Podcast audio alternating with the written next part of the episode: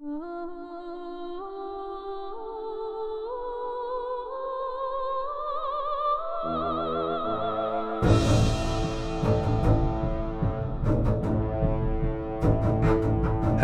hello. Cześć wszystkim po dłuższej przerwie. Chyba nawet bardzo długiej przerwie. Takim wręcz e, sezonie ogórkowym, można by rzec. No powiedzmy, gdyby nie to, że dorosłe życie dogoniło ludzi, znaczy mnie przynajmniej. No, Mnie, mnie również. Także zostaliśmy dogonieni, ale to nic nie szkodzi, bo wróciliśmy i to z jakim bardzo ważnym materiałem, to nawet zaraz wam zademonstruję y, dźwiękowo. Nie wiem, czy to będzie słychać, ale to jest podręcznik i on spada teraz na biurko. Uwaga, zatkajcie uszy. Ale walnęło. Nie zrobiły ci dziury w biurku? No właśnie, chyba lekkie wgięcie zrobiło, ale dobra. O czym my dzisiaj rozmawiamy? Dzisiaj rozmawiamy o potężnym kolosie, znaczy potężnym kolosie, o kolosie po prostu, który ma 689, 690, 691 stron. No, oczywiście nie wliczasz do tego dodatku, który jakby pięknie integruje się z tą, tym głównym podręcznikiem i on jeszcze rozszerza o, o ile? O, 363 strony. o jeny, to prawie 1000 stron. Nie, ponad 1000. Ponad 1000 stron. I bez żadnego oszustwa, jak w przypadku DCC, gdzie DCC jest wydrukowane po prostu na papierze takim drukarkowym 80 gram, a to jest normalny, kredowy taki papier, jaki znajdziecie w innych podręcznikach. Mhm. I tą księgą można zabić. Tak. Tą, tą księgę trudno jest unieść w, jedno, w jednej ręce. O czym mowa? Uwaga, uwaga, chodzi o Zweihänder, czyli No, przepraszam, przepraszam, Zalko. Zweichender? Jak oni to wymawiają? Oni mówią Zweihander? bo oni są z Missouri, więc oni mówią Zweihander, ale to już tam ich lokalny koloryt. Wiemy, że chodzi o dwuręczniaka, dwuraka, czyli e, taka swoista gra słów na temat systemu, który wszyscy znamy. To jest dwurak, czyli Zweihander. Po polsku będziemy mówić po prostu, żeby było po polsku-niemiecku. Po polsku, niemiecku, tak. No, okej. O co tu chodzi? Podręcznik bardzo gruby, znany i lubiany twórca RPG-ów, wręcz gwiazda na scenie, osoba bardzo, bardzo kontrowersyjna. O nie. Bardzo O, kontrowersyjna. nie, nie. O nie, nie, nie, nie, nie, nie, Zalko, ja ci tutaj przerwę. Nie będziemy rozmawiać o twórcy tego podręcznika, dopóki nie porozmawiamy o samej grze, bo jak zaczniemy rozmawiać o niejakim Danielu Foxie, Tak, Daniel Delis. Daniel tak Delis, to możemy trochę popłynąć, więc zanim, No, zanim, zanim może o nim, to ja chciałbym tylko powiedzieć ze swojej strony, że uważam ten system za bardzo dobry i elegancki. Tak. Y, Ja y, dzięki temu systemowi wróciłem do hobby po bardzo wieloletniej, znaczy po wieloletniej przerwie. Nie pamiętam już ile lat, czy to była dekada. Chyba tak, no chyba tak, nawet ponad. Tak naprawdę ten system mnie przyciągnął, między innymi swoim rozmiarem. No, tak? Tak, tak, to prawda. Ilość stron się liczy. To jest to. E, Zainteresowało mnie to, że jest po prostu wszystko w jednym poderku, wszystko w jednym miejscu, nie ma tysiąca splatbooków, ma po prostu core, który jest potężny, który można zabić. No i przede wszystkim ja wychowywałem się również na Warhammerze. I przyciągnął mnie tym, że to jest praktycznie Warhammer. Tylko, że to jest Warhammer z tak zwanym zabiegiem zdarcia e, numerów seryjnych, tak? O, Czyli tak. retroklon. To jest zresztą, kurczę, mieliśmy nie rozmawiać o Danielu, ale to jest jego takie mo- modus operandi. W jego RPGowym życiu to właśnie ścierać, kraść i ścierać numery seryjne z jednej strony, a z drugiej. No dobra, nie będę, dobra, później, później, naprawdę No później. dobra, przejdziemy do Daniela później. Na początek o co chodzi? Daniel i grupa jego znajomych, wytrawnych graczy Warhammera drugą edycję, założyła sobie kiedyś forum. Ono się nazywało chyba Strike to Stun i na tymże forum wymieniali się usprawnieniami zasad. Niezadowoleni chyba z trzeciej edycji uznali, że trzeba by zrobić jakąś przeróbkę drugiej. No i Daniel bardzo się zasadził na to, żeby zrobić czwartą edycję Młotka. No i niestety miał pewien lekki problem w postaci tego, że Cubicle 7 wykupiło prawa przed nim, przez co musiał sobie trochę zmienić tutaj mm, metodę działania. No i po prostu postanowił wydać to jako swój, mm, taki mm, swój, no swój system, e, który się trochę inspiruje Warhammerem, nie powiem. Trochę. Mm. Posiada kilka elementów wspólnych, Aha. aczkolwiek prawnie są różne od siebie. Oczywiście, żaden prawnik jeszcze do tego się nie przyczepił, a wiadomo, że Games Workshop lubi tych swoich prawników na, nasyłać na wszystkich Oj, wszędzie. bardzo. Sz- szczególnie ostatnio, ale to już jest też inny temat. To zaczęło się od tego, że sobie pousprawniali te zasady, chcieli sobie zrobić młotka czwartą edycję. Cubicle ich wyprzedził. Daniel się załamał, zrobił Kickstartera z tego co miał, trochę poprzerabiał. Dodał do tego potężną liczbę artów w wykonaniu pana, który się nazywa Dejan Mandich. Bardzo dobrych artów, bardzo dobrych artów. Fenomenalnych artów, które mnie wciągnęły też na nowo w hobby, bo tak naprawdę jak zobaczyłem te alaryciny, to mówię, oh boy, to jest coś dla mnie. Ja uwielbiam taki klimat mono, mm, mono black, szczególnie właśnie ilustracje czarno-białe. Są piękne, piękne ilustracje w, ołówkiem rysowane. Naprawdę są bardzo klimatyczne. Oprócz pierwszej, na którą się natykamy, otwierając ten podręcznik nad spisem treści, jest moim zdaniem fatalna grafika. Później jest To jest, tak jak, to jest tak, jakby mu głowę dokleili, ale wiesz dlaczego? Bo to jest Daniel D. Fox. Nie, nie, nie. To, to, to jest to swoją drogą. Nad spisem treści, Zargo, nad spisem treści jest jakiś koleś bez oka, drugie Jest. jakby zezował i jakiś brodacz, w ogóle nie wiadomo o co chodzi. Aha. A swoją drogą, prawda, Daniel, nie, nie mówmy teraz o tym Danielu, tak? Po, powiedzmy tylko tyle, bo mówimy o artach, że jego facjata widnieje w tych artach, przynajmniej na początku e, na, napotykamy dwa praktycznie naraz z jego podobizną. Co mi przypomina, że w polskim fandomie też było takich dwóch, który, którzy siebie umieścili na okładce jednego RPG i wydali go na papierze toaletowym. No nieważne. No, no, no wiesz, e, wiesz jak jest. No szczególnie mnie rozbraja ilustracja rozdziału drugiego, gdzie Daniel bez, bezczelnie siedzi z kolegami i sobie gra i wrzucił to po prostu do, do podręcznika. Jak on, jak on tak mógł? No ale dobra, to jest jego system, okej? Nie, hej, nie Jego hejtujemy. system, jego dziecko, dziecko To jest jego dziecko z miłości do systemu innego. No ale nieważne. Yy, on sobie zrobił ten system z kolegami, oczywiście zawarł siebie jako głównego autora, wizjonera, wręcz Stevena Jobsa tych yy, RPGów. No i dobra, zrobił sobie ten system, zatrudnił fenomenalnego grafika z Serbii, tego właśnie Dejana. To jest Dejan, nie Dejan, tylko Dejan. Sprawdzałem. Sprawdzałem. Okej. Nawet wchodziłem na filmiki, uwaga, y, to się nazywało The Catholic Network Net, żeby sprawdzić nazwisko Mandich, jak się wymawia, gdzie z reguły nie wchodzę na Catholic Network Net, wręcz wchodzę na przeciwieństwo Catholic Network Net. No, ale dobra, sprawdziłem, wiemy jak się nazywa. Powiem ci, Zalgo, że, że zrobiłeś taki research, że ja nie wiem, to będzie chyba monolog dzisiaj bardziej, bo Ty się też będziesz miał okazję wypowiedzieć. naprawdę? Tak, tak. Ale to zaraz jak przejdziemy do mechaniki już konkretnie. Okej. Ja tylko zacznę ten build-up tego, co tam się działo, jak to się wszystko stało. No i on sobie wydał tego Kickstartera, wypuścił to, wzięło to szturmem jakoś Kickstartera. Masa ludzi się, się tym zaczęła interesować. Nie wiem w sumie dlaczego. Może tą oprawą graficzną, może tym, że ten, ten poderek ma 700 stron i wszystko jest tak jak gdyby w jednym y, wielkim buku. No i generalnie rzecz biorąc, y, zrobił z tego y, dosyć fajne wydanie i to mnie na maksa przyciągnęło. I teraz, jak, tak jak na to patrzę jestem już po kilku grach, no to w sumie no, szału takiego jakiegoś mi, mi nie zrobiło, jak na początku to do, przy, przyniosłem. Większym szałem było to, że po prostu po tylu latach znowu zaczęliśmy grać. I uważam teraz, z perspektywy czasu, że wybrałem do tego zbyt skomplikowany system, którym jest Zweihander, on jest bardzo techniczny, bardzo zawiły, wymaga dużo od mistrza gry. Tak naprawdę powinienem był zacząć z chłopakami grać od czegoś dużo lżejszego, no ale to już tam wnioski, które wyciągnąłem po dwóch czy tam trzech sesjach. Zaraz, zaraz, Zalgo, a grałeś w Shadowruna?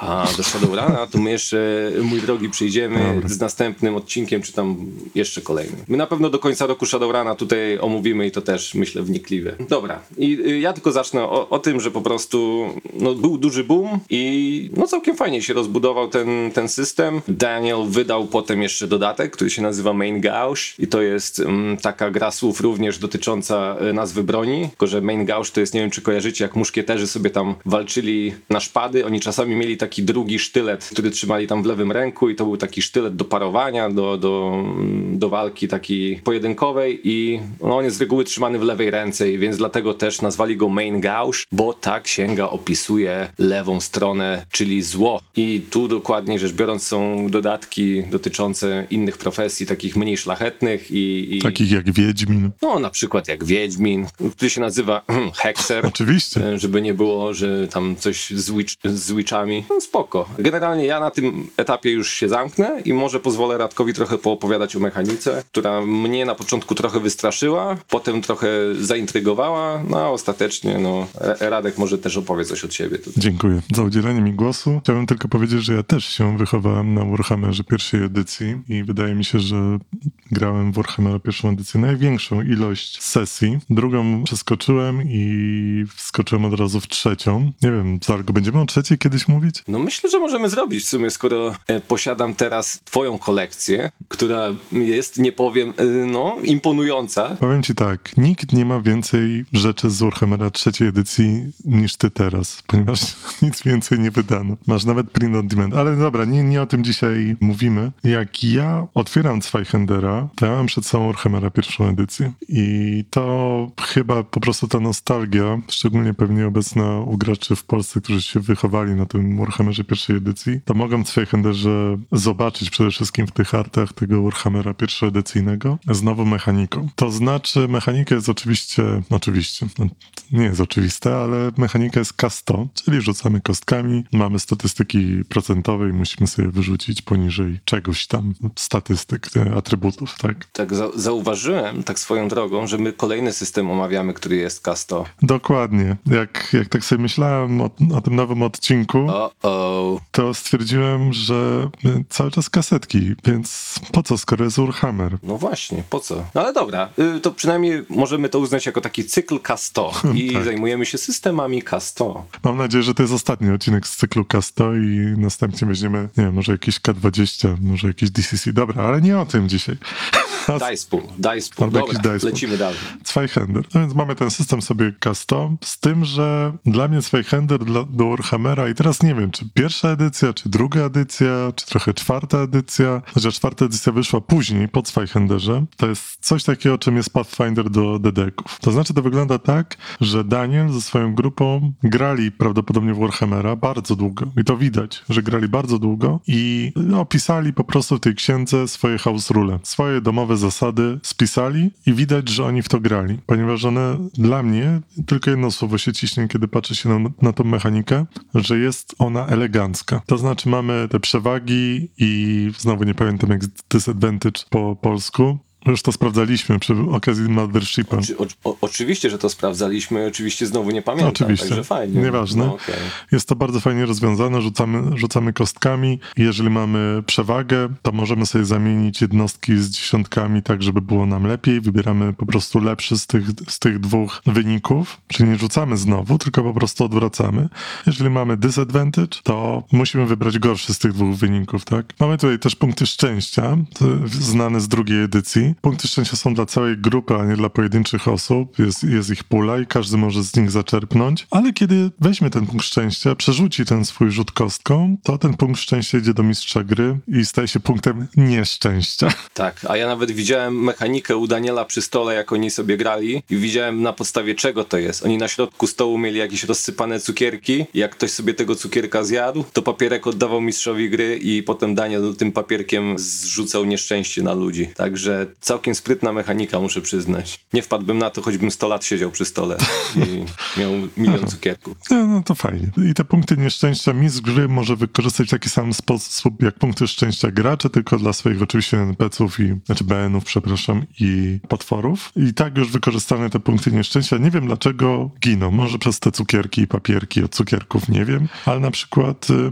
to jest mechanika, która istnieje również na przykład w Star Warsach od Fantasy Flight Games i tam po prostu to się zawsze odwraca, tak? Jeżeli mistrz gry by wykorzystał te punkty nieszczęścia, to one wracają do graczy i prawda, mam tutaj tą balans mocy, równowagę. Mi się też podobały te eksplodujące kości podczas walki, które kiedy rzucasz na damage i wywali ci szóstkę, to kostka eksploduje i leci dalej. Mhm. I to może też doprowadzić do bardzo szybkich walk, bardzo boleśnie zakończonych przez, przez graczy, czy, czy po prostu mm, jakichś e, BN-ów. Też sporo mechanik widać zaczerpniętych z innych systemów, z różnych No, jakichś właśnie, innych właśnie. gier, ale to wszystko się tak fajnie składa do kupy. I, to Bardzo mi, i to fajnie. mi właśnie też się, też się spodobało. Ale jeżeli chodzi o walkę, to tutaj mamy odejście od Warhammera pierwszej edycji, drugiej edycji czy czwartej edycji, a o trzeciej nie, nie wspominamy na razie. Tam było już to zupełnie inaczej zrobione, ponieważ tutaj mamy jakby ekonomię akcji. Mamy ileś punktów akcji w swojej turze i możemy wykorzystywać to na różne, różne rzeczy, różne swoje akcje. Mamy listy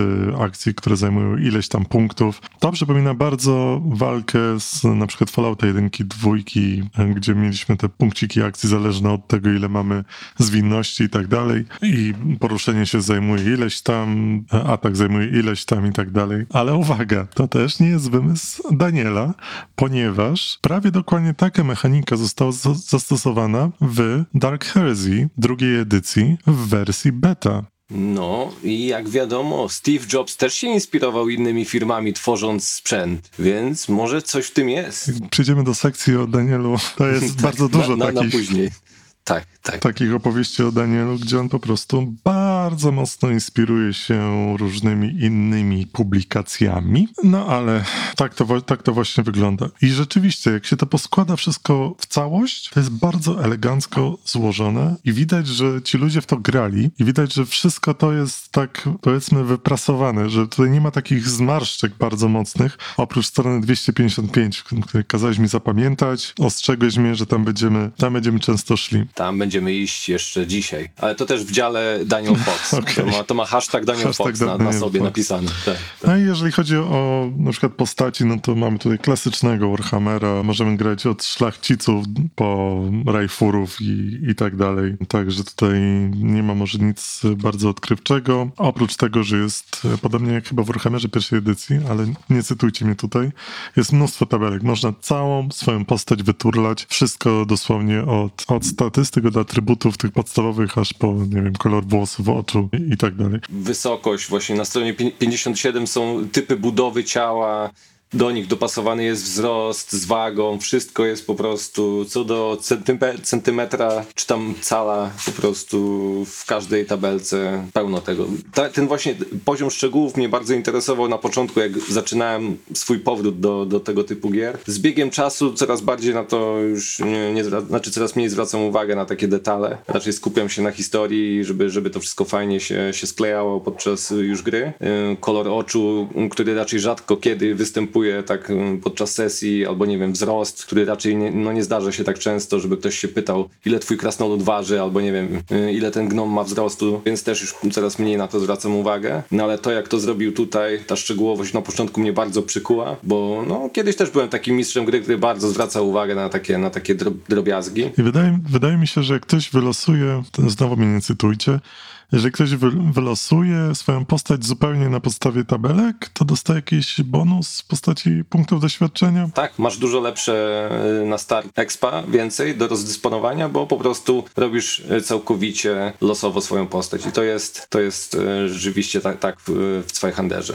No ale nie sądzę, żeby to aż tak mocno zachęcało gr- graczy do, do tworzenia w pełni losowych postaci. Mojego jednego gracza bardzo to zachęciło, Stwo, stworzył dzięki temu starszą panią, która zajmowała się zbieraniem śmieci, była taką no, zbieraczką i próbowała sprzedawać jakieś medaliony i talizmany bardzo tanio wykonane. Bardzo ponura profesja i też myślę, no trochę, trochę nieszczęścia w tych rzutach było podczas tworzenia postaci i myślę, że ta, ten bonus uzyskany z, z XP na początku wcale tego nie wyrównał. Chociaż z tego co pamiętam w walce i tak miał dobre rzuty, więc ta babcia biła kijem lepiej niż nie jeden tam po prostu jakiś e, bohater, który sobie tam radził. Znaczy wiesz, ja, ja, ja jestem zauroczony DCC i zeropoziomowymi lejkami, funnelami i wiesz, tam się wszystko, wszystko losuje od zera. Wprawdzie nie, los, nie losuje się tak, tak długo jak w Zweihanderze, tylko ciach, ciach, ciach i masz nową postać. I to działa w sensie takim, że gracze po sesji DCC, na której zresztą byłeś, powiedzieli, że no nigdy by taką, taką postacią nie grali, a tutaj wylosowali się świetnie bawili, także No tak. No tak. to, ja, ja bym na pewno wszystko z tabelek, bym, bym sobie stworzył postać z tabelek. Mm, Co mi się jeszcze bardzo podobało w Zweihanderze podczas tworzenia postaci, to jest to, że jest masa smaczków podczas generowania postaci i wybierania profesji. Po prostu ta ilość poukrywanych, nawet w nazwach umiejętności, czy w jakichś rysunkach tutaj, przykład pierwszy z brzegu wziąłem sobie, jest Reeve, czyli taki jak, jak gdyby sędzia, taki strażnik i on ma tutaj umiejętność I am the law i jego hełm zjeżdża tak na dół, że wygląda jak sędzia Dredd. Po prostu to są takie, takie delikatne smaczki, które są poukrywane praktycznie w połowie, połowie e, postaci. Na przykład Smuggler, czyli Szmugler, e, no wygląda, jest ubrany jak Han Solo, nie? Generalnie i ma umiejętność Hands Shot First i że Hands jeszcze z A umlautem, żeby było bardziej Warhammerowo. Po prostu nawiązuje do tej sytuacji, kiedy tam Han Solo strzelał się z Grido w tej, w tej kantynie i tam masa ludzi uważa, że to jeden strzelił szybciej, a drugi wolniej i są o tym debaty, nie? To jest niepodważalny fakt i George Lucas może sobie wydawać e, nowe wersje cyfrowo poprawione, ale wszyscy wiemy, że Han Solo strzelił pierwszy. No ale w każdym razie w Zweihenderze rzeczywiście jest mnóstwo takich popkulturowych smaczków i, i smaczków zaczer- zaczerpniętych z książek, filmów i popkultury, także w ogóle fajnie się to czyta. Oprócz e, jakichś takich powtórzonych paragrafów, które ja na przykład trzymam bodajże drugie wydanie Zweihendera z drugiego Kickstartera chyba z tego, z którym był Mein Gausch. I Daniel się zarzekał, że oni wszystkie błędy zgłoszone w erracie poprawili. E, nie poprawili. Nie, nie, nie. Są pewno. powtórzone paragrafy, są literówki, ale jeżeli by to pominąć, to się naprawdę fajnie to czyta i widać, że to jest przynajmniej Zweihänder z tych wszystkich gier, które on wydał, to jest naprawdę coś, w co oni grali, co oni naprawdę testowali. Super. Jeszcze tak przerzucam się, bo znalazłem ten, o którym też dużo słyszałem. To jest strona 153, Demagog i oczywiście podobizna Trumpa jako osoby, która tam zachęca tłum do zamieszek i specjalnie jako bonusik dodali taki smaczek, że Trump ma niezwykle małe dłonie i po prostu to widać też na tym obrazku, że, że, że y, Dejan chyba specjalnie właśnie pomniejszył mu tą dłoń, że, ma takie mini, mikroskopijne paluszki, także y, pod tym względem bardzo fajne y, nawiązania, to też im wyszło. E, Co mamy jeszcze? Mamy pozostałe działy, bo tutaj w tym podręczniku jest wszystko, czyli mamy podręcznik z działem mistrza gry, mamy, mamy bestiariusz, mamy przedmioty, generalnie wszystko jest zawarte w tym jednym poderku, żeby już można było sobie grać. Co mi bardzo się podobało, to to, że y, system magii jest też fajnie podzielony na, na podstawie tego drzewa sefirotycznego, co wygląda trochę jak to drzewo z kultu, które też tam tego systemu RPG trochę mroczniejszego jest. I y, generalnie brakuje tylko tła po prostu flafu w tej książce, no ale nie zmieściliby tego. Nie weszłoby tutaj. No Musieliby naprawdę? wydać Myślisz? tak.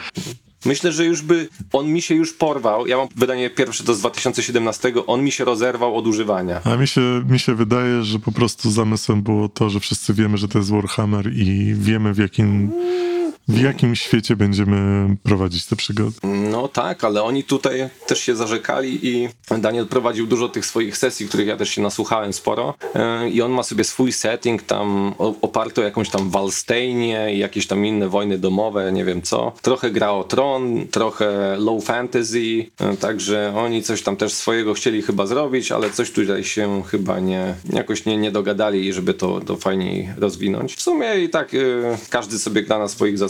Ja to, ja chyba jak prowadziłem nie, nie ustalałem nic konkretnego, nie robiłem tego, że dokładnie jest w jakimś settingu konkretnym. Te jego sesje to tak brzmiały, jakby one nie były w konkretnym settingu, bo Tak, tak. I powiem ci, e, one też strasznie się przeciągają w czasie. Ja pamiętam, że na jednej chyba spędziłem z 14 czy 15 godzin i tak naprawdę ona szła tak wolno, tak się wszystko ciągnęło. On prowadził w taki e, sposób, że bardzo oparty na detalach i po prostu przysypiałem przy tym, nie? Było bardzo trudno to dokończyć. No i też zakończyło się bez fajerwerku, więc tak siedziałem i tylko co? I to koniec? No ale dobra, to jest Daniel, to jest Daniel, no. On zrobił system, nie musi być najlepszym mistrzem gry na świecie, tak? On stworzył ten system i to jest jego dziecko. Nie krytykuj, bo inaczej wyrzucę cię z Discorda. Możemy już przejść do, do działu mi się Daniela? jeszcze przypomniało, że e, a propos mechaniki, krytyki są na dublach. Znaczy, jeżeli udał ci się test to i wyrzuciłeś dubla, to masz krytyk, a jeżeli nie udał ci się test i wyrzuciłeś dubla, to masz e, krytyczną porażkę i Zabijcie mnie, może pamiętacie, to więc piszcie w komentarzach. Do Warhammera pierwszej edycji był dodatek. W, jakich, w jaki sposób był dodatek, gdzie były tabele krytyków identycznie jak w Zweihenderze. Napiszcie mi, gdzie to było.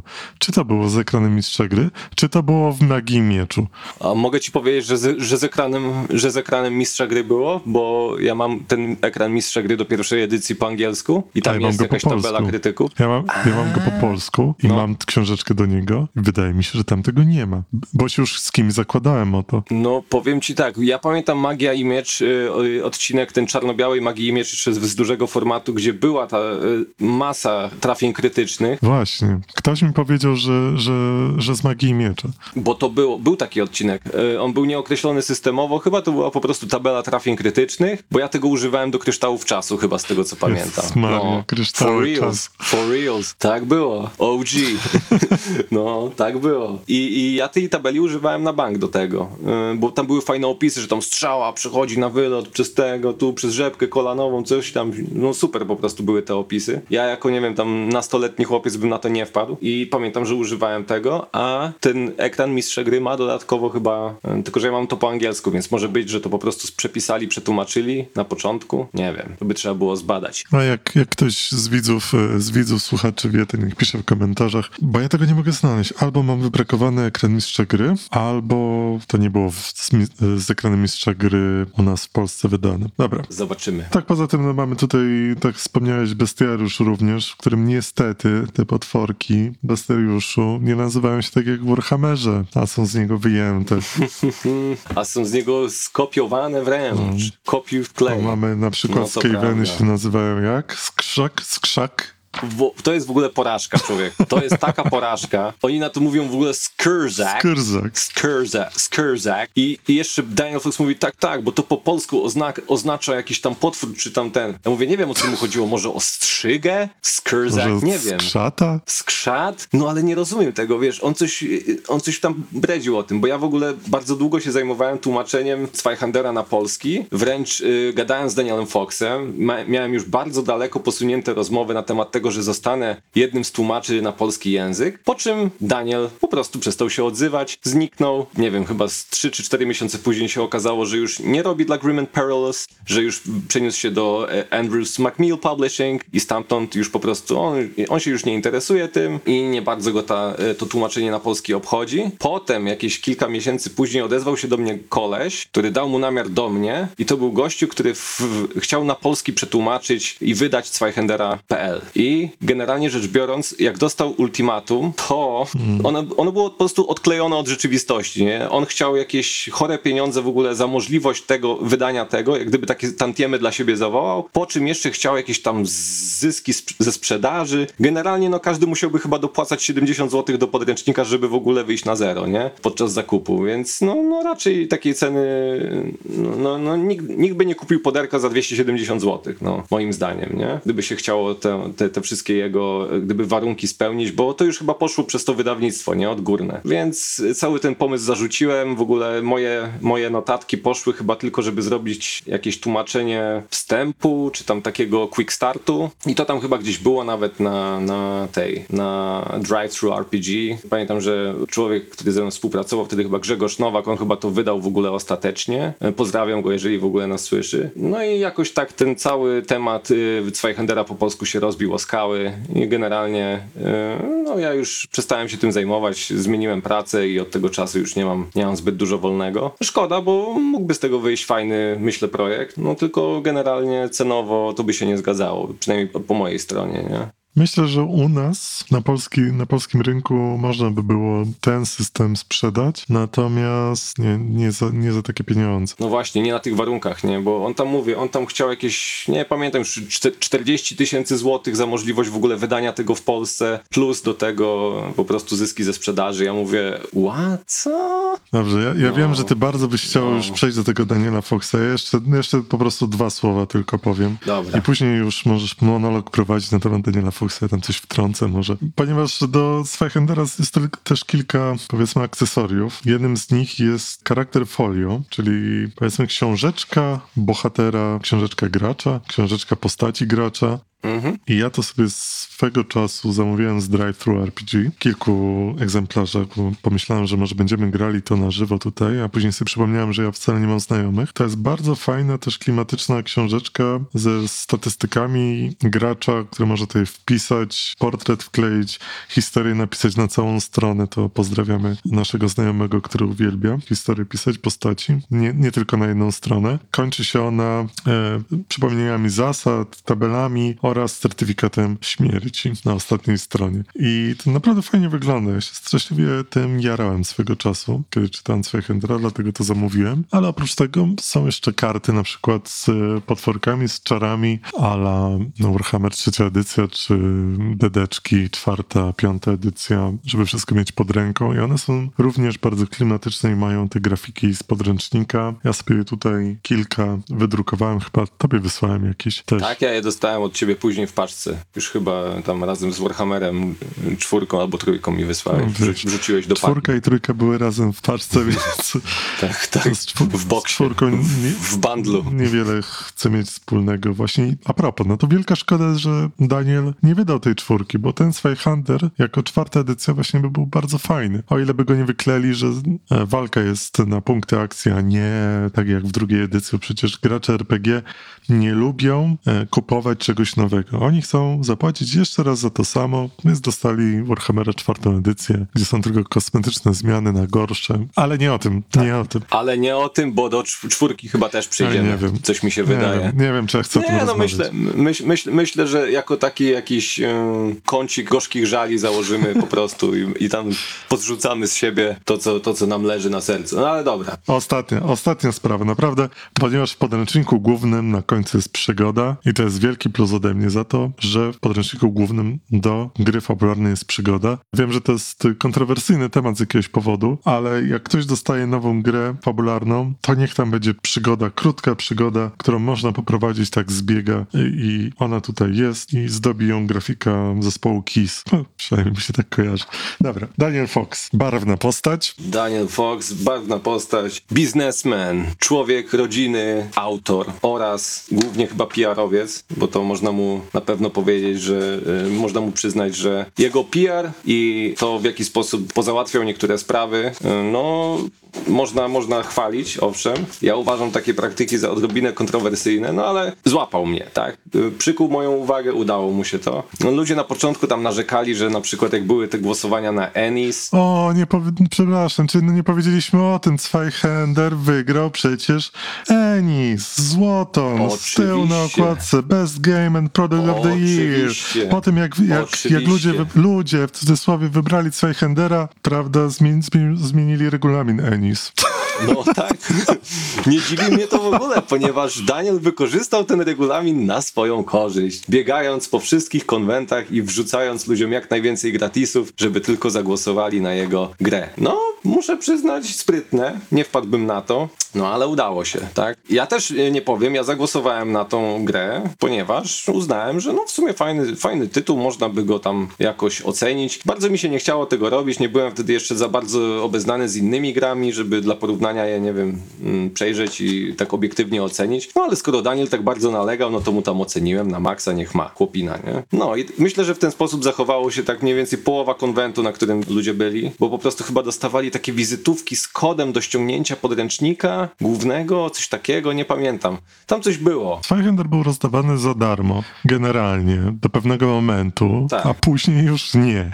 Tak, a jak coś dostajesz za, za darmo, to czujesz się zobowiązany, że trzeba przecież się odwdzięczyć. Przynajmniej niektórzy tak mają. I dostając takie kody na przykład, no ludzie się poczuli no, zobowiązani wręcz do zagłosowania na swoją ulubioną grę, którą oczywiście jest Zweihänder. No i to była taka pierwsza już e, muka na dzień dobry. To już też mi tak trochę no, zrobiło taki zgrzyt płyty, taki wzz, e, co? No ale generalnie no Daniel jest, jest osobą kontrowersyjną. Na przykład ja pamiętam taką dosyć dużą imbę, e, która się wydarzyła na ich Discordzie. To była kontrowersja dotycząca zasad. I to były zasady walki, właśnie strona 255. Chodziło o bleeding, czyli rany kłute, które powodują na przykład krwawienie i dostajemy sobie taki właśnie mm, uraz i jest nim krwawienie, które sprawia, że co turę otrzymujemy mm, tam jakiś, e, jakąś utratę mm, krwi i ta ilość nie może przekroczyć naszego tam body build, bo y, zginiemy. No i ludzie tam zaczęli się kłócić. Nie, nie, nie, to chodzi o to, że kiedy ja mam turę, to podczas mojej tury to spada. Po czym ludzie się tam kłócili, dosyć spory y, problem to był, więc Daniel się wypowiedział, nie, nie, nie, to chodzi o turę każdego po kolei. I wszyscy tak, co? Jak, jak, jak każdego po kolei? Nie no, podczas każdego tury człowiek traci, twoja postać traci tyle tam krwi, co każdy ma ruch. A ludzie, no ale jak? No to przecież jak walczymy z czterema czy pięcioma gobasami, czy tam jakimiś skurzakami, żeby nie powiedzieć skavenami, bo to jest, przecież to kosztuje, to kosztuje. Adwokaci Games Workshop zaraz nam wsiądą na, na nasze No właśnie. właśnie, zaraz nam zablokują, zablokują nam tego y, podcast. No, więc walczysz sobie na przykład z dwunastoma skurzakami, każdy po kolei ma sobie turę, a tobie schodzi krew. No i już do swojej tury raczej nie dożyjesz, więc ludzie się zaczęli zaczęli tam rzucać, no i ci, którzy się rzucali za dużo, to po prostu zostali wyproszeni z Discorda. Bardzo dyplomatycznie, bardzo pięknie po prostu powy, powy, powywalani. No generalnie Daniel nie lubi, nie lubi krytyki. Ja na przykład bardzo dużo słucham takiego podcastu, który się nazywa Mud and Blood i ja od początku istnienia Mud and Blood, które właśnie też mi się rzuciło na początek do słuchania dosyć mocno, zapytałem ich, słuchajcie, a może zrobicie odcinek o Zweihenderze, skoro jesteście tacy Mud and Blood, Grim Dark. W, w końcu samo wydawnictwo nazywa się Grim and Perilous. I oni do mnie bardzo grzecznie odmawiali i ja nigdy nie mogłem zrozumieć dlaczego. Oni, nie, nie, nie, wiesz, wolimy o tym nie, nie, no, tego systemu nie poruszać, raczej nie, raczej, ra, raczej inne systemy mamy teraz w planach. No mówię, no ale Forbidden Lands jest mniej Mud and Blood od Zweihendera, więc zróbcie o Zweihenderze coś. A, a oni tak, no wiesz, to raczej y, może nie w tym roku. A, a co ty tam pijesz w tym kubku? Co tam jest? I ja mówię, ej, czemu oni nie chcą o, robić o, o, o Danielu żadnych, żadnych e, audycji? O co tu chodzi? No i tak zauważyłem, że raczej, no raczej jest postacią no, mało lubianą, nie? I e, ta sytuacja z tym tłumaczeniem podręcznika też mnie trochę e, o tym przekonała. Wiele można powiedzieć o Danielu Foxie, ale na pewno jest em, taką bardzo kolorową postacią, która polecam jego, jego Twittera, gdzie się jawi jako wielki wojownik so, social justice. Także a, a propos w Zweihenderze nie ma ras, bo rasa jest bardzo obraźliwym słowem. Są Tak. przodkowie. Tak, Także oczywiście. mamy przodków orków, przodków krasnoludów i tak dalej. To prawda, też tam unika jakichś określeń, coś tam jak jest nieheteronormatywne, nie, nie pamiętam już tam mnóstwo, mnóstwo różnych e, bardzo takich e, grzecznych i uczesanych wypowiedzi, że e, też dotyczących płci, zwracania się he, she, pronouns, wiadomo, trzeba szanować. Także jest bardzo dużo tego, czego no, w innych RPGach raczej, raczej tam nie ma. Je, przynajmniej jeszcze nie ma, bo Przynajmniej jeszcze nie ma, ale ta polityczna poprawność e, też już tam się wiadomo wszędzie wkrada. Ale Daniel jest, jest w tym względzie, myślę, że nie przesadzę, mówiąc, że jest e, raczej po tej ekstremalnej stronie, a ja osobiście Tak, e, tak, nie tak. lubię ekstremistów No, z żadnej strony, więc e, jakoś też nie przypadam za Daniela. Polecam jego Twittera, gdzie moz, można sobie poczytać. Więc z jednej strony on się jawi jako taki, prawda, ten bardzo tolerancyjny i otwarty umysł na to wszystko, co się dzieje wokół, a z drugiej strony właśnie wyrzuca ludzi z Discorda, którzy nie mają jego poglądów nawet na temat zasad w grze fabularnej, tak? No tak, tak. To tak, są takie dwie strony. Ja też miałem bardzo miłą interakcję z Danielem, ponieważ zrobiłem stół O. do Tabletop Simulator, taki symulator e, stołu e, na Steamie można sobie kupić, to polecam. I wrzuciłem jakieś screenshoty, otagowałem chyba Zweihendera i zaraz Daniel przyleciał, że w ogóle super i to jest właśnie takie nowoczesne myślenie o RPG-ach. No mówię, nie no stary, no to taki zwykły stół tam zrobiłem, zresztą nie mogę tam zbyt wiele umieścić, bo przecież to jest chronione prawem autorskim. To mi dał, dał mi w ogóle pozwolenie na użycie ekranu mistrza gry do końca świata, w ogóle jakiś takiego tweeta napisał, no Wow, wow Daniel, no, widzisz. super, no to umieściłem to, ale teraz się Dzięki. boję trochę, bo Właśnie. tak jak wspomniałeś, Zaraz pójdziesz do więzienia, y, bo Mm. To wiesz, zaraz może być y, kaprys się zmienić i zaraz będzie, że a, skasuję przepraszam, a co i, to? i koniec. No, a ja nigdy tego nie No. powiedziałem. W każdym bądź razie, no Daniel też bardzo pilnuje swoich praw autorskich, znaczy praw autorskich dotyczących swojej gry, co jest również bardzo zabawne, bo na przykład e, swego czasu, w 2018 roku bodajże, Grim and Perilous Studios e, powiedziało, że stworzy grę Tetsubo RPG. Tetsubo to jest em, taka gra, która się chyba nigdy nie uk- ukazała, też z Games Workshop w jakimś tam uniwersum, cokolwiek. I wydaje mi się, że przy okazji tego Daniel podpisał umowę em, ludźmi, którzy tworzyli tą grę, która się nigdy nie ukazała. Oni dali mu dostęp do wszystkich materiałów, które mieli. Daniel to bardzo skrzętnie przejrzał, po czym stwierdził, że zrywa umowę, tej gry nie wyda, ale wydał inną grę ze startymi, czy wyda, nie wiem czy już wyszła, czy nie, ze startymi numerami seryjnymi. Oczywiście. No to jest właśnie postać Daniela Foxa. Z jednej strony pilnuje wszystkiego, co jego, jawi się jako taki otwarty człowiek, otwarty umysł, a z drugiej strony jego techniki PR-owo-biznesowe No, są, są takie, no, można je kwestionować na pewno, tak. Tak Nasi prawnicy radzą, żeby nie używać e, stwierdzeń takich dosłownych, prawda? Tak, tak. Lepiej, lepiej uważać, ponieważ może wynająć kogoś, żeby przetłumaczył tego podcasta i móc nas za, potem za, zaskarżyć, więc trzeba uważać na to, co się mówi. Jakby ktoś chciał tłumaczyć tego podcasta dla Daniela, to niech pamięta, żeby później jeszcze zastrzec w umowie procent od e, wygranej kwoty od nas. To na pewno, bo, bo Daniel weźmie sobie inaczej wszystko. Tak. Bardzo, bardzo prawdopodobne. No mówię, mi też się ta historia z tym Discordem e, smutno kojarzy, bo, bo mówię, na początku ja tam do niego pisałem kiedyś, jak w ogóle jeszcze te, chyba zaraz po tym pierwszym Kickstarterze, e, że tam pozdrawiam, pozdrawiam, że bardzo fajnie, że dzięki niemu tam wróciłem do grania, bla bla bla. I on mi na to nig- nigdy nic nie odpisał. Dopiero potem, Ale jak ham. potrzebował, potrzebował kogoś z Polski do tłumaczenia, to dopiero potem nagle się zaczął mną interesować. To było takie, mm, aren't you still interested? A ja mówię, oczywiście, no pewnie, nie ma sprawy. No to super. Po czym zniknął, nie? I ja tak, okej, narobiłem się w tym Excelu, natłumaczyłem się, wiesz, wszystkie, wszystkie chyba profesje i rozwinięcie profesji też przetłumaczyłem tak ładnie, żeby się zgadzało z Warhamcem i z drugą edycją, żeby nie, nie nakładały się tak e, ten, jakieś, jakieś nazwy niepotrzebnie.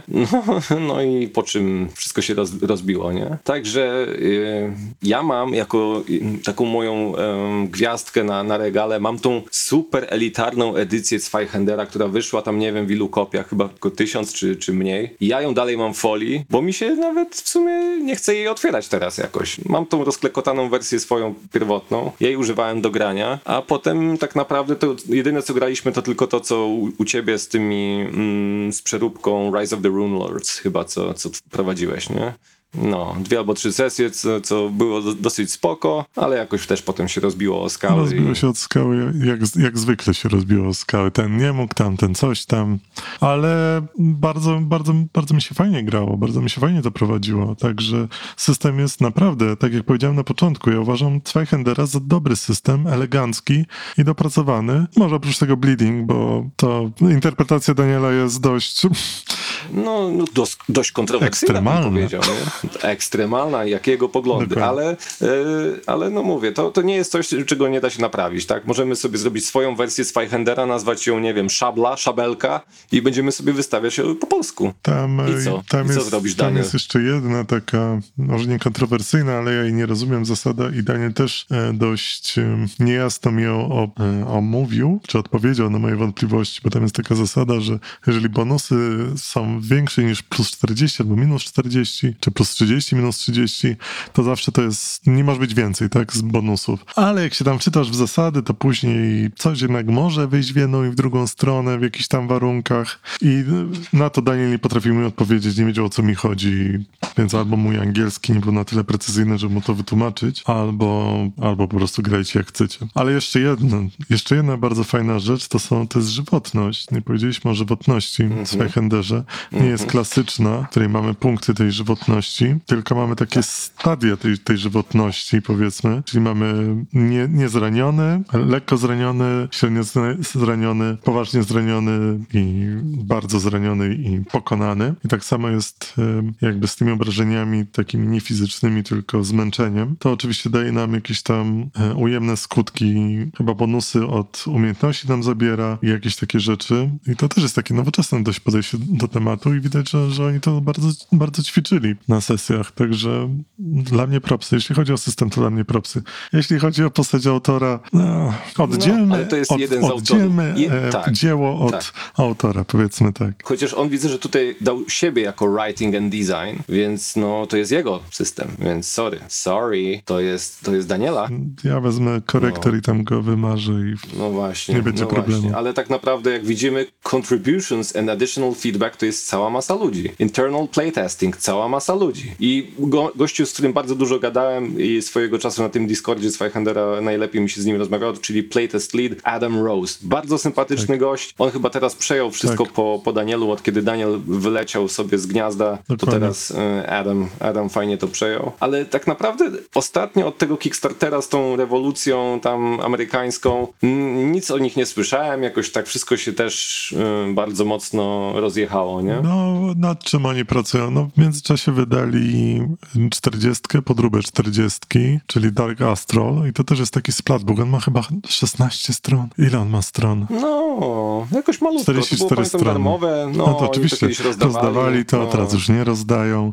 Em, I teraz albo pracują, pracowali, wydali, wydadzą postapokaliptyczny system na bazie Zweihendera. Też sesję można sobie obejrzeć, posłuchać na YouTube Mhm. i na ich patre, Patreonie, chociaż chyba za darmo. Mm, Nie wiem, nieważne. Nie, nie słucham tego już przynajmniej. O właśnie, Flames of Freedom, tak się nazywa. Płomienie wolności, tak się nazywa ich ten Kickstarter, który się e, odbył, którego ja już nawet nie kikowałem, bo po prostu nie miałem jakoś... No, ale to nie jest nasz, nasz temat, tak? Bo to jest o amerykańskiej rewolucji, więc ja nie wiem, mnie to na przykład nie interesuje zupełnie. To jest amerykańska rewolucja z nutką okultyzmu, jakieś Indianie, szamany, jakieś Wendigo. Wiesz, to nie jest taka no, zwykła sobie oczywiście. rewolucja. O nie, to jest taka mroczna i ponura rewolucja. Ale dla mnie takie, takie tematy to są głównie skierowane chyba do Amerykanów, którzy mogą sobie tam opiększyć No swoją jakby historię. To, jakby to były dzikie pola, O,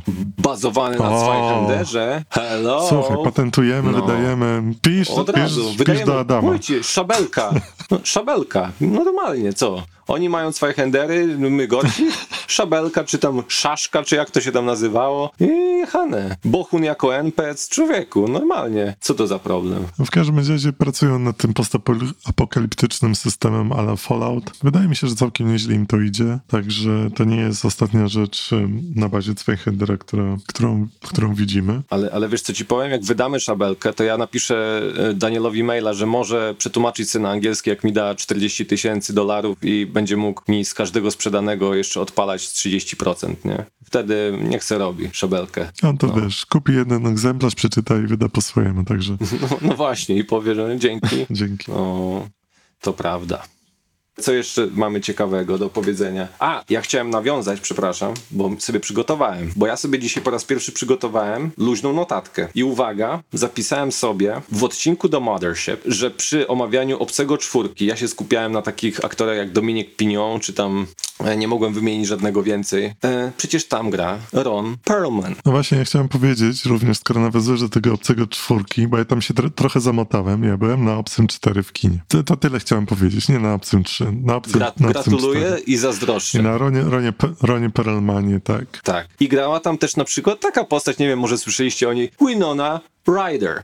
Oczywiście, oczywiście. A ja wam mówię o jakimś Dominiku Pignon, który grał w Delikatesen i w Mieście Zaginionych Dzieci. Miasto Zaginionych Dzieci, przepraszam bardzo, to jest tak klimatyczny film, Tak, z taką muzyką. obrazami niesamowitymi. No bo to jest właśnie Jean-Pierre No, Genet i, i ten Karo. I on zrobił też Delikatesen, zrobił też właśnie tego obcego czwórkę, już sam Jean-Pierre Genet, już chyba bez tego Karo. No, a Amelię chyba, tego Bazila, człowieka z kulą w głowie, to jest wszystko tak popaprany klimat, tak świetny. Masakra, jestem fanem. No dobra, godzina nam strzeliła No, strzeliła trochę, trochę to, to może powycinam te nasze narzekania na, na Daniela. Co jeszcze mamy? Mamy kącik Kickstarterów przecież, nie? Z mojej strony w, w Kickstarterach to ostatnio się dowiedziałem, że jest Kickstarter z okazji dwudziestolecia wydania pierwszej wersji Delta Green. Wydają pierwszą wersję Delta Green. Myślę, że jest to pewien ukłon y, też do Chaosium, które ostatnio zrobiło jakiegoś retro boxa Zewu Cthulhu, w którym można było sobie zamówić wszystkie stare Zewy Cthulhu w jednym wielkim y, boksie wielkości, nie wiem, Zweihendera. Tylko, że y, zabija ostatnio przesyłka. I ta przesyłka i te opłaty celne po prostu tak dojeżdżają wszystkich, w tym mnie. Ja dzisiaj na poczcie zapłaciłem, uwaga, 16 zł za kasetę audio, taką jaką się kiedyś w latach dawnych wkładało do y, Walkmanów. 16 zł za kasetę audio, która kosztowała mnie chyba właśnie, nie wiem, 10 czy 7 funtów, już nie pamiętam. Nie, 7 funtów, 7 funtów, no, czyli zapłaciłem za wysyłkę drugie 7 funtów i jeszcze za cło w Polsce, także generalnie y, trochę się lękam ostatnio kickstarterować i cokolwiek kikować, przez to, że opłaty są tak potworne i na przykład teraz był bardzo fajny projekt, ta Hyperborea, Oj, trzecia no edycja. I ja jestem w takiej żałobie, bo wysyłka kosztowała, nie wiem, tam czy 90 dolarów, czy coś takiego. No, A, a, a przepraszam, a, a The Dying Earth z Goodman Games, The DCC, przecież przesyłka kosztowała tyle samo, czy tam 5 dolarów mniej niż e, ten pledge ze wszystkim, co, co można było Dokładnie. wziąć. Plus, Dokładnie. jeszcze oczywiście A- nie wiadomo, no. czy nasz urząd celny nie doda za przesyłkę. Ostatnio zamawiałem rzeczy z Noble e, Night Games. Noble Night? No wiadomo skąd, wszyscy wiemy skąd. No, no, Noble Night Games, wiadomo. Nie są naszymi sponsorami jeszcze. Dlaczego? E, Właśnie. Dlaczego? Ja się pytam. Trzeba do nich natychmiast wysłać maila, ale to ja już to zrobię później. Zamówiłem ostatnią brakującą przygodę do DCC, żeby mieć komplet, czyli taka malutka książeczka, 16 stron. Przyniósł listonosz i powiedział 10 zł proszę. A Mówię, a za co? A ja nie wiem, takie nowe opłaty są. I to wcale nie było to cło, to była jakaś opłata za coś tam. Tak, za przy, przesyłkę, nie, nie, nie wiem, niewielkich rozmiarów, coś tam, coś tam. Ja wiem, bo ja właśnie teraz y, jestem ofiarą tego, a trochę się jeszcze nakikowałem od 2019 czy tam Dokładnie. 2020 roku, więc y, ja się najbardziej boję mojego pledge'a z Kingdom Death, na którego czekam od 2018 roku, który jeszcze nie przyszedł do końca cały. I tych opłat się boję najbardziej, bo od tego czasu UK zdążyło wylecieć z Unii, zdążyli wprowadzić opłaty dodatkowe, więc no, nie zapowiada się dobrze. To jeszcze powiem ci lepszy numer, bo ja czekam na przesyłkę z Reaper Bones 5. I tam skikowałem naprawdę sporo figurek. Syto, Syto tam syto. poszło. I figurki to nie są książeczki, Oj nie, figurki to nie które książeczki. są zwolnione z cła. Nie, nie, nie. Figurki to są już zabaweczki. 23%. No właśnie, bę- będzie płacone. No Kingdom Death też jest pan, pełne panoli, więc też będzie płacone za Pomimo modele. tego, że już raz VAT zapłaciłem, O właśnie. Reapers pobierał już VAT na rzecz tego, że będą wysyłali to z Anglii, ale w międzyczasie Anglia wyszła z Unii Europejskiej i co teraz? I co teraz? No będziesz, teraz będziesz płacił, bo no nie, niestety. co teraz, no, tak, ale tak to nie jest wyszło. dobry klimat na zamawianie rzeczy spoza Unii Europejskiej. Nie, nie jest. Dlatego kupujemy lokalnie, kupujemy polskich twórców. Teraz jest tyle tłumaczeń na polski, że idzie się naprawdę dostać oczopląsu, nie? Mamy co? Mutanta robią. Mutant Year Zero, tak? Wychodzi teraz przed sprzedaż, będzie, będzie Shadow of the Demon Lord po Będzie polsku. Shadow of the Demon Lord. No proszę. Tak, będzie. Dzisiaj, czy tam wczoraj się pojawiła zapowiedź, ja już trochę wcześniej widziałem, bo ja followuję Roberta Schwalba i on już tam zapowiada, że oh, we're bringing in Shadow of the Demon Lord. A ja mówię, co? Into Poland. A ja, what? No, dokładnie, tak było. I y, będzie Shadow of the Demon Lord, będzie Mutant, y, coś tam jeszcze tłumaczą, już nie pamiętam co, ale generalnie sporo tego wychodzi, zaraz zerknę sobie, bo jest jakiś spory wysyp tłumaczeń ostatnio, Y, co jest dobre, no bo w sumie fajnie, nie? Można będzie w końcu... Bardzo fajnie. Ja się w końcu złamałem i kupiłem podręcznik do D&D piątej edycji w języku polskim. I powiem, że to się fajnie czyta oprócz pewnych decyzji jakby tłumaczy na język polski, bo operowanie połową metra to nie jest naprawdę nic fajnego. Uuu, nie, nie, nie robimy tego. Cytując tego, we don't do that here. Nie, nie, nie, nie może. Naprawdę to już nie jest taka Ojej. różnica, żeby nie można było tego zaokrąglić. No właśnie, czemu nie mogli zro- zrobić do metra? Do dwóch. No, no tak, tak, tak jest, ale generalnie no, to fajnie się to czyta, no i to na pewno więcej osób, którzy tak płynnie nie władają językiem angielskim, może sobie pograć i jakby ten cały, ten cały słownik RPGowy, tak, tych gier fabularnych, jakby mamy już obcykany, już ktoś za nas to zrobił i jeżeli rozmawiamy po polsku, to już wiemy, to już mamy ten słownik, prawda, i wiemy wszyscy o czym, o czym mówimy. To jest super, super No tak. sprawa. Oprócz tego, że już na półce mam angielskie wydania tych gier. Dokładnie. No dobra, myślę, że tym e, wesołym e, akcentem możemy skończyć. Możemy skończyć. dziś. Następnym razem co Zolgo bierzemy na tapetę? DCC? No już chyba powiedzieliśmy, już chyba powiedzieliśmy, nie? Coś innego niż D100. Możemy robić DCC all Ja day myślę, long. że to już ja czas przyszedł na DCC. Oprócz tego mam taki pomysł, żeby te odcinki może były takie bardziej zróżnicowane i dynamicznie wydawane, to Aha. żebyśmy jakieś przygody sobie też omawiali, może nawet jakoś pojedynczo. O, Nie wiem, jak ktoś tego słucha, No, dotarł tutaj przez to spoko. Nasze pierniczenie w tym odcinku, Jezu, jak żeśmy pierniczyli na pewno. No i dobra. To niech napisze w komentarzach albo wyśle na maila na radek.filakterium.pl albo zostawi komentarz na YouTube albo gdziekolwiek kto go słucha, na pewno jest jakaś sekcja Albo na, komentarzy. na, al- albo na Instagramie, a ty, a mój znajomy nie wysłał ci maila? Wiesz to sami, tylko, tylko twoi znajomi wysyłali mi maila. No właśnie, ale wysłał No, coś, wys- nie? wy- wy- wysłali, że testują, To my powinniśmy to że przeczytać? testują skrzynkę pocztową. Aha, dobra, to były testy. No ale tam nie wysłał ktoś jeszcze? Bo, bo jeszcze mi drugi napisał, że coś wysłał. Ja się boję sprawdzać, co to jest, bo ja nie mam dostępu do tej skrzynki. Uwaga. Podcast fajny. Szkoda, że nie o Warhammerze. A, i tu go mamy. Ha! Gacia. To był Piotr? Czy to tak, to był był Piotr? Piotr. Piotr Nadrobiłem F? wszystkie trzy odcinki i Piotr F. powiem szczerze, że o pisarzach z lat 20. mogłoby być ciekawie. To wspominaliśmy coś o w Call of. Cthulhu. A to było pewnie o, coś o Lovecrafcie, o tym, o Howard, o nie, nie o Howardzie, tylko jeszcze o tym. Od Conana przecież ten. Oraz następny mail od Rafała o temacie na pocieszenie i test skrzynki o treści 1, 2, 3. Dziękujemy pięknie, Rafale. Jesteś szczodrym Ale słuchaczem. żebyście, że- żebyście nie Okej. myśleli, my nie mamy wątpliwości, że tego nikt nie słucha, także spoko. Ale jakby ktoś słuchał, to niech zostawi komentarz, czy chcecie recenzję też przygód do, do DCC. Przygód booków, kampa- kampanii na przykład. Jezus, może kampanię jakąś skończyliśmy? No, czy, czy skończyliśmy, to nie, ale zaczęliśmy No na tak, na pewno. E, Do DCC, do Shadowruna, do Mothership, także No, jest sporo Jeżeli- tego. Ja teraz sobie y, pst, kupiłem sobie Symbarum. Symbarum. Tak to się chyba wymawia, nie? Symbarum. Symbarum. próbowaliśmy w to grać i jakoś tak chyba nie bardzo pykło. Ale ładnie się arty ogląda, muszę przyznać. Arty są bardzo dobre. Klimat, wszystko mi się podoba. No ale dobra, to mniejsza z tym. To już tam e, następnym razem. To co, trzymajcie się tam w tej e, Polsce. Trzymajcie się, odwiedźcie nasz, nasz Instagram. Ja chyba tą stronę na Facebooku skasuję i na, na Znaczy, nie, no, Twitterze. ktoś tam na nią wchodzi, Ja nie mam nie, wiem, Facebooka nie wiem, czy tam się, no właśnie, a ja też tam raczej nie wchodzę, nie? Ale tam co jakiś czas widzę, że tam macie jedno nowe wyświetlenie, mówię, wow, O, panie. wow, no, ale raczej, raczej ja wolę na Insta tam coś zapostować co jakiś czas. Zajrzyjcie na nasz Instagram, tam chyba jest e, najbardziej aktywnie. Na Twitterze to może zbytnio aktywnie nie jest, a o Twitchu nie wspomnę, a o Facebooku to możecie zapomnieć. tak, tym razem. Jak chcecie jakieś recenzje przygód, a nie tylko systemów, to też dajcie znać w komentarzach. I co, żegnamy się powoli, tak? Ja jestem Radek, po drugiej stronie był... Ja jestem Zalgo, ale Wiktor możecie mi też mówić, też jest okej. Okej. I I trzymajcie, trzymajcie się. się. Do następnego razu. Cześć. Bye.